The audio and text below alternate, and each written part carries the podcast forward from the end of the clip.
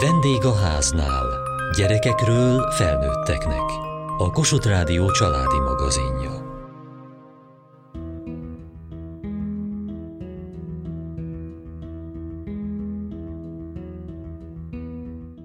Kapcsolódás önmagunkhoz, kapcsolódás a külvilághoz, egyensúly. Hogyan alakítható ki a gyerekeknél mindez? S milyen összefüggés van a teljesítmény és a testi jólét között? A Rogers óvoda és iskola mindennapjaiban helyet kap ez a szemlélet, s mi most megnézhettük, mit jelent ez a gyakorlatban.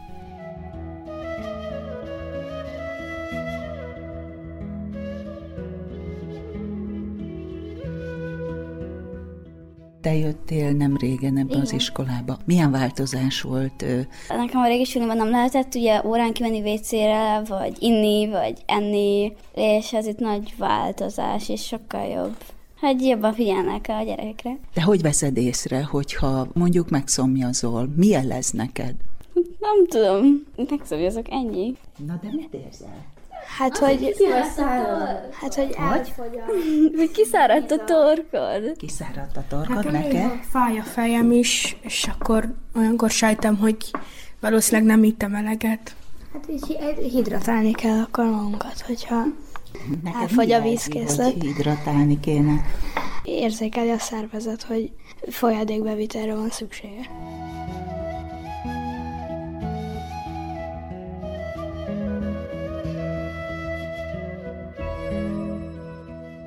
Tallér Júlia vagyok. Első osztálynak vagyok az egyik tanítója. Nálunk az első osztályban elég szabadon mozoghatnak a gyerekek, tehát amit megtanítunk a kezdetektől, hogy ő maguk is érzékelhetik, hogy mire van szükségük, és azt szerint ezeket ki is elégíthetik. Tehát ha szomjas felállhat és ihat, ha éhes bekaphat valami falatot, van az iskolában iskola gyümölcsprogram, illetve van az osztályon belül is gyümölcsprogram, amikor a családok hozzák a gyümölcsöket, ami egész nap kint van, tehát hogy bármikor oda lehet menni. Ezt egyébként nagyon jól működtetik a gyerekek, és órán is felállnak, meg szünetekben is oda mennek. Emellé szerintem azt tudjuk felnőttként tenni, hogy én fejben tartom, hogy minden szünet elején, minden szünet végén külön elmondom, hogy akkor, aki még nem ivott, igyon. Van olyan, a napnak olyan időszaka, ami kifejezetten arról szól, hogy enni lehet, és akkor elő lehet venni az uzsonnát, és enni lehet. Tehát ezeket az alap szükségleteiket úgy próbáljuk alakítani, hogy kicsit támogatjuk mi,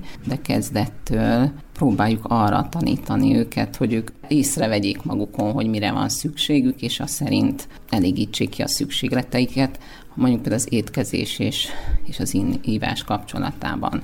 Egyébként meg, hogy mennyit figyeltünk és koncentráltunk, és hogy kell -e esetleg mozgás vagy más tevékenység, azt a gyerekek pontosan jelzik. Tehát, hogy nem bonyolult észrevenni, hogy most már sokat ültek a padban, de eleve érdemes úgy tervezni az órát, hogy mindig van valami olyan már előre betervezett mozgásos tevékenység, amivel ezt lehet lazítani. Azt oda érdemes berakni, amikor az ember érzi, hogy most szükség van, mert már sokat ültünk és nehéz figyelni.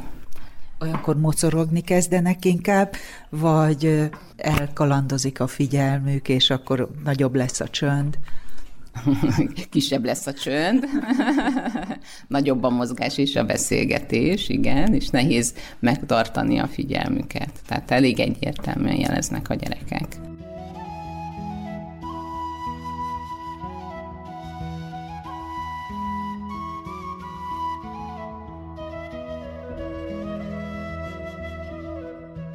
Tóth Nikolett, sportkocs, edző a testtudatosság és a teljesítmény összefüggéséről beszélt. Hát itt a testtudatosság kapcsán az is felmerült, hogy tulajdonképpen már attól is távolodunk, hogy érzékeljük a szomjasak vagy éhesek vagyunk. Mi lenne akkor az a praktika, amivel ezeket egyszerűen újra a kezünkbe tudjuk visszaszerezni? Szerintem egyrészt a tudatosítás nagyon fontos, hogy ezeket a dolgokat felismerjük, hogy mi az, amire szüksége van a szervezetünknek. Szóval az első a tudatosítás, ami egy nagyon nagy lépés, és utána pedig rengeteg olyan tip, praktika van, amit be lehet a mindennapokba illeszteni, akár a pár perces átmozgató torna, az órák előtt vagy órák után, de ugyanúgy ez a felnőttekre is igaz, hogy a, a géptől fölállni óránként egy pár percre, ezt pedig be lehet állítani ugye a telefonba, hogy óránként jelezzen, ugyanígy a vízfogyasztásra, hogy azt is be lehet állítani a, az emlékeztetőt, hogy jelezzen, vagy egyébként nagyszerű applikációk vannak ezekre, amik emlékeztetik az embert, hogy mit kellene csinálni, és ezek tényleg pár perces dolgok. Hozzászokik a szervezet ehhez a, a rendszerességhez, és hogyha valaki két-három hétig odafigyel a vízfogyasztásra, megfelelő megfelelő vízfogyasztásra, akkor utána garantáltan a szervezet az jelezni fog, hogy nem bírja két-három-négy órát víz nélkül, hanem akkor óránként vagy másfél óránként jelezni fog a szervezet.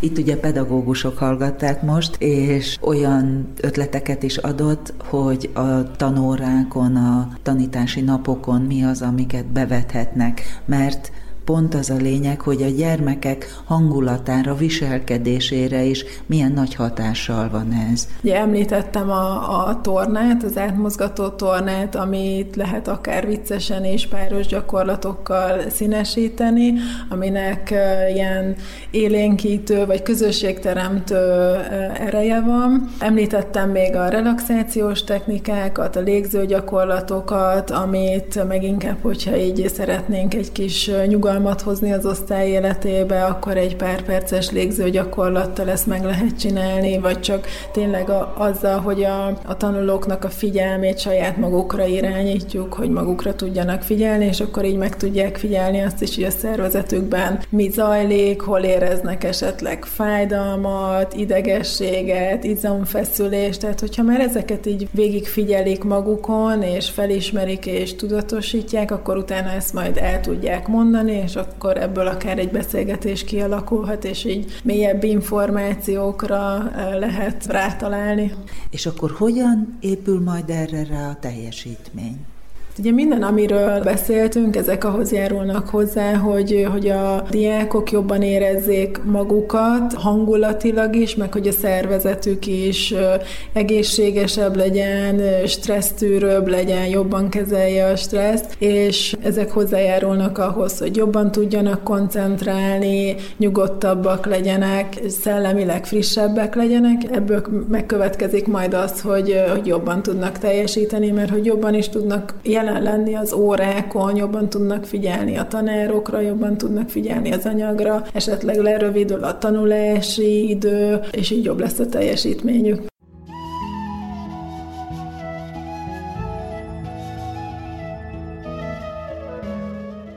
Mi itt a gyakorlat a Rogers iskolában? A gyerekek azt a megszokott napi rutint, ami az óvodában nagyon pontosan követnek. Ezt hogyan tudják az iskolában folytatni? Mi az, amiben kísérik tovább a gyerekeket, vagy ez hogyan válik a saját felelősségükké, hogy ő mikor fáradt, mikor éhes, mikor szomjas? Lipták Erika igazgatónő. Szerintem nagyon fontos az, hogy itt óvoda is van, mert az óvodaiskolát átmenet az mindenképpen meghatározó ebben a témában. Méghozzá azért, mert az óvodában a gyerekek még nagyon tudnak figyelni a saját szükségleteikre, és az iskolába érkezve valahogy más lesz a fókusz. Mi igyekszünk ebben kapcsolódni az óvodához, és egy óvodához közeli megoldásokat találni arra, hogy a gyerekek hogyan tudjanak magukra figyelni, vagy hogyan tudják kifejezni az igényeiket és szükségleteiket. Az iskola nálunk fél kilenckor kezdődik. Fontosnak tartjuk, hogy reggel kipihenten érkezzenek a gyerekek. Alsó tagozatban minden nap fél kilenckor beszélgetőkörrel kezdünk. Ez egyébként egy nagyon fontos kommunikációs tantárgy nálunk, és pont arra szolgál, hogy a gyerekek egy kicsit odafigyeljenek arra, hogy ők hogyan vannak, tudjanak erről beszélni, mi pedagógusok pedig tudhassuk, hogy ők éppen hogyan érkeztek. Nagyon szomorúak, vagy nagyon vidámak, vagy fel vannak pörögve, vagy éppen most be vannak kubózva valamiben, vagy éppen nagyon foglalkoztatja őket valami esetleg valami sérülésük van, vagy nem aludták ki magukat. Ez mind elhangzik a reggeli beszélgető körben, és ez nekünk is segít abban, hogy tudjunk rájuk figyelni, és tudjunk teret adni annak, hogy milyen szükségleteik vannak. A napi rendben a reggeli beszélgető kör után egy reggeli időszak következik. A kicsiknél a tanítók nagyon szeretnek meséket olvasni ilyenkor, szépen megterítenek az asztalukon, és együtt reggeliznek. Ez azért fontos számunkra, mert hogy viszont viszonylag messziről jönnek a gyerekek, messziről is jönnek, és hogy legyen itt egy ilyen kis megpihenő időszak. A Következő szünetünk egyébként a, a nagy szünet, ahol mindenkinek a kötelező az egész iskolában lemenni az udvarra. Mi azt gondoljuk, hogy nagyon fontos, hogy kint legyenek a gyerekek a levegőn, ezért kötelező. Egyébként a gyerekeink szeretnek is kint lenni, és igényük is van a mozgásra, amit ott kint tudnak mozogni. Hogyha a szünetbe itt valaki pont a délelőtti szünetbe vagy az ebéd szünetbe érkezik, akkor azt látja, hogy nagyon sok gyerek oxelózik a, az iskola előtti betontéren. Nagyon-nagyon szeretnek, a kicsi elsősök nagyon várják, hogy a nagyok megtanítsák őket oxelózni, és nagyon szép képeket láthatunk ilyenkor, ahogyan ők így együtt vannak. Hány gyerek van ilyenkor az udvaron? Hát legalább 170. És nem csak jó időben, hanem kevésbé jó időben is. Ha nagyon esik az eső, akkor egyébként kinyitjuk a tornatermet, mert ugye mozgásra szükség van, és olyankor nagyon sokan lemennek, ilyenkor nem kötelező persze a tornaterem, de nagyon sokan lemennek és ott mozognak. Tehát, hogy fontos ez a mozgás. És a délutáni ügyelet, ami fél négytől ötig van, az rendszeresen az udvaron van, télen-nyáron. Ezt iszonyatosan szeretik a gyerekek, tehát tényleg megélik a mozgás lehetőségét.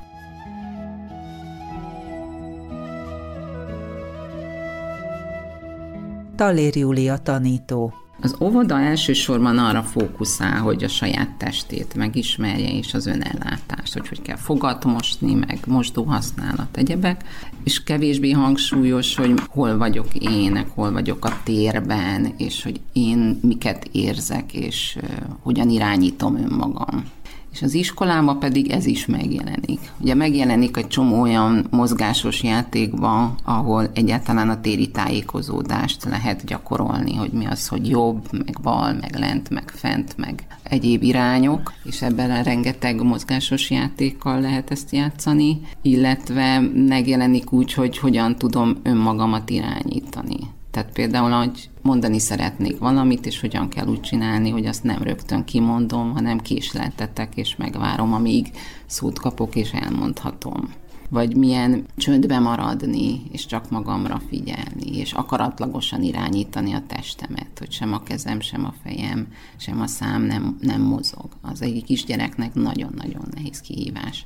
Lipták Erika igazgatónő. Az első, második évfolyamon, de tulajdonképpen az egész alsó tagozatban figyelünk arra, hogy tevékenységközpontú foglalkozásokat tartsunk, tehát minél többet fölállhassanak, együtt gondolkodhassanak, dolgozhassanak, csináljanak, mondanak valamit, ez az egyik dolog, amire nagyon odafigyelünk megmozgatni őket két ülős feladat közben. A másik pedig, hogy a kicsiknél, hogyha úgy látjuk, hogy elfáradtak, akkor mi nem várjuk meg a 45 perc végét, hanem azt mondjuk a fáradtságnál, hogy na most akkor egy kicsit mindenki álljon föl, tartunk 5 perc szünetet, ki lehet menni a folyosóra, el lehet menni a mosdókba, egyetek, igyatok egy kicsit, és utána üljetek vissza a munkába.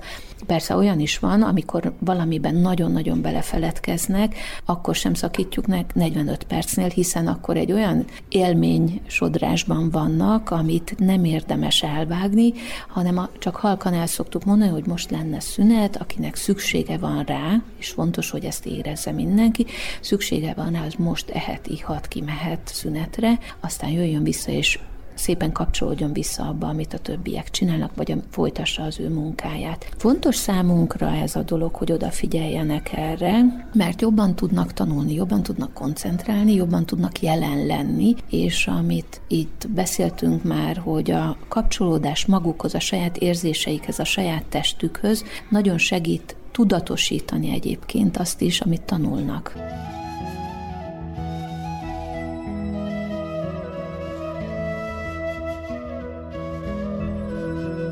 Morvai Petra vagyok, angol és magyar a két szakom, és hetedikben vagyok osztályfőnök most. A nagyoknál hogy néz akkor ez ki?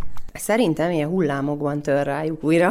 Hetedikben újra kell egy kicsit húzni a határaikat, de nagyon, alapvetően nagyon közlékenyek, nagyon e, eddigre már megvan a bizalom bennük, hogy mi tudjuk, hogy ők tudják, hogy mi tudjuk. Tehát hogy azt gondolom, hogy a bizalom annak az alapja, az egymás közötti odafigyelés, meg a kapcsolatminősége, hogy tudjuk, hogy, hogy valaki nem él azzal vissza, hogyha esetleg fáradtnak érzi magát, vagy ki kell mennie mosdóba, vagy egyszerűen van olyan napja, hogy nincsen elég ereje ahhoz, hogy dolgozzon, ezt mi elhisszük neki. És azt hiszem, hogy ez hetedikre abszolút például jellemző, hogy, hogy ezen nem nagyon élnek vissza. Időnként van, vannak olyan napok, hogy talán igen, tehát rá lehetne fogni, hogy igen, miért engeditek, hogy ez meg az legyen. Nem feltétlenül engedjük, tehát ennek vannak szintjei, tehát hogy az első az nem rögtön az, hogy akkor menj ki és dőj le a kanapéra. Eleve az osztályban vannak kanapék, úgyhogy aki rosszul érzi magát, az, az oda vonul vissza, és tudatosan, de szól is, hogy, hogy ő most leülne fél órára, vagy az mindenképpen csöndben, tehát ő a többi többieket nem zavarba, de az első kör mindig az, hogy megkérdezzük, hogy ivott eleget.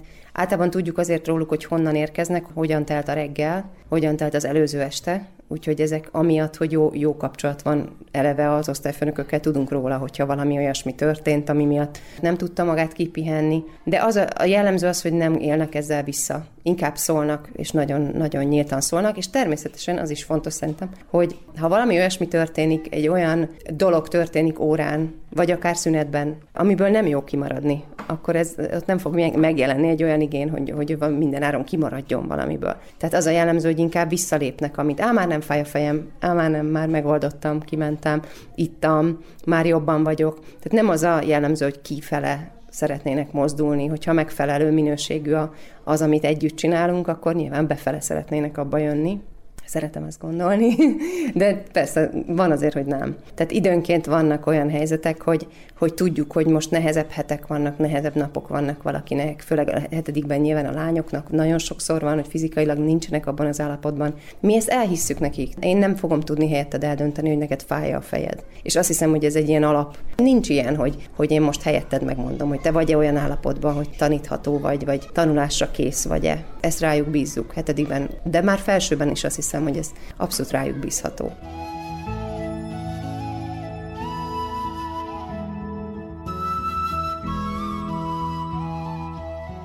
Mi a hetedik osztály vagyunk.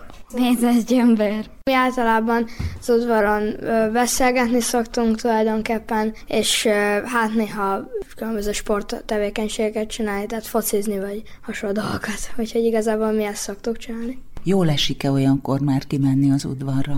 Hát igen, nagyon szeretek lemenni az udvarra, de hát mostanában nem annyira gyakran szoktunk lemenni, mert ugye itt nekünk van egy szobánk, ami nagyon jól be van rendezve ilyen pihenésre, és ezért gyakran inkább ott fennmaradunk, és ott szoktunk lenni, de azért az udvarra is néha lemegyünk. Mi van a szobátokban, ami a pihenésre szolgál? Vannak matracok, amikkel szoktunk építeni dolgokat, meg ilyenek. Van ott egy számítógép, szóval azon is szoktunk zenét hallgatni, meg hasonló dolgokat. Valamint hát a legnagyobb dolog talán, hogy van ott egy kanapé, és azon szoktak ülni az emberek, meg beszélgetni. Ilyenkor az a lényeg, hogy szünet legyen két tevékenység között, és akkor egy picit más felé kalandozhatok, vagy a levegőzés a fontos, hogy friss levegő legyen, de azért meg is kéne mozgatni magad. Hát igazából nekünk a tanáraink azt szokták mondani, hogy fontos, hogy lemenjünk legalább egy szünetre a háromból a nap közben, mivel hát fontos az, hogy a levegőn legyünk, meg ilyenek, meg hogy jobban tudjunk ott mozogni kint, de hát mi a legtöbbször, amikor csak tudunk, inkább fennmaradunk ebbe a szobába. Ti hogy használjátok az udvart? Hát mi is beszélgetünk legtöbbször. Nagyon sportolni mi nem szoktunk, mivel Hát csak beszélgetünk, mert focizni nagyon nem szeret. Hallottam azt is, hogy sokat használják az udvart. A kicsik, ők milyen tevékenységekre, melyik a kedvenc zugók, miket találnak ki? Nálunk két olyan tevékenység van, amit az oviba kevésbé lehet csinálni. Az egyik a fáramászás, tehát az elsősök kb. első fél évének nagy tevékenység, hogy megtanulnak fáramászni A másik pedig az, ebben az iskolában az oxelózásnak nevezett játék, aminek nem is tudom pontosan mi a neve, de lényeg az, hogy ez egy ilyen több éves vagy évtizedes tradíció, hogy minden elsős megtanul oxelózni, és akkor ez az szintén egy ilyen nagy közös udvari fontos tevékenység, hogy gyakorolják, és, és meg, megtanítják egymásnak. Osztályon belül megtanítják a nagyok a kicsiket, ez mindig jó látni, ahogy ott állnak és fogják egymás kezét addig-addig, amíg önállóan nem megy. És megkeresik a titkos helyeket, ahol elbújni lehet, a fiúk persze imádnak focizni, meg rohangálni, szóval nagyon nagy élet van az udvarom. Bár csak muszáj ezt az oxelózást egy kicsit kifejteni, hogy ez mi is tulajdonképpen. Úgy hívják, hogy snake, snake board, vagy street board. Olyasmi, mint egy gördeszka, de még a középső összeillesztésénél is mozog. Úgyhogy jó nehéz rajta megállni. Ez egy ilyen beavatási szertartás nálunk szerintem, tehát aki fél éven belül nem tanul meg oxelózni, az kicsit furán is nézünk rá egy időn, nyilván nem de a gyerekek nagyon szeretik. Úgyhogy jó nehéz rajta megállni, fölfele egy ilyen kígyózó mozgást kell csinálni, hogy az ember gyorsuljon, és aztán lejtőn pedig lehet vele menni jó gyorsan, akkor is, hogyha mozdulatlanul áll az ember. Ezt egy ilyen körben szokták csinálni az első udvaron, vagy egy ilyen, egy ilyen ovális alakban, és akkor megvan a haladási irány, amit nagyon komolyan be kell tartani. Oda nem szoktak akkor beállni, igyekeznek tartani azért ezt. És akkor jönnek az elsősök, és egy fél év múlva már ők is komoly okszalózásban vannak, és ugyanúgy beállnak a nagyok közé. Tanítgatják egymást, úgyhogy ez ilyen komoly, komoly okszalózás van. Lipták Erika igazgatónő a Rogers iskolában. A kicsik nagyon szívesen játszanak ilyenkor olyat, hogy feldobálják a leveleket, és átszaladnak alatta, iszonyatos nagy kacagással teszik ezt, mások pedig összegyűjtik a faleveleket, és belehempergőznek, ez az ősznek egy különleges ajándéka, hogy ezt mi tehetjük. Egyébként pedig az udvaron nagyon sok olyan tárgy van, amit hoznak, visznek a gyerekek, kiépítettek maguknak egy olyan területet, amiben nagyon otthonosan érezték magukat. Ez egyébként nagyon jellemző nálunk, hogy a gyerekek mindent felhasználnak. Nagy élmény volt, amikor meghallottam, hogy ilyen egy Robinson udvar, hogy a tereptárgyakkal a gyerekek kreatívan tehetnek, vehetnek, alakíthatják, felhasználhatják arra, amire ők szeretik. Na hát ezt nálunk nagyon szívesen csinálják a gyerekek, és ez egy ilyen rácsodálkozós pillanat volt, mikor megláttuk ezt a sarkot, hogy hogyan építkeznek.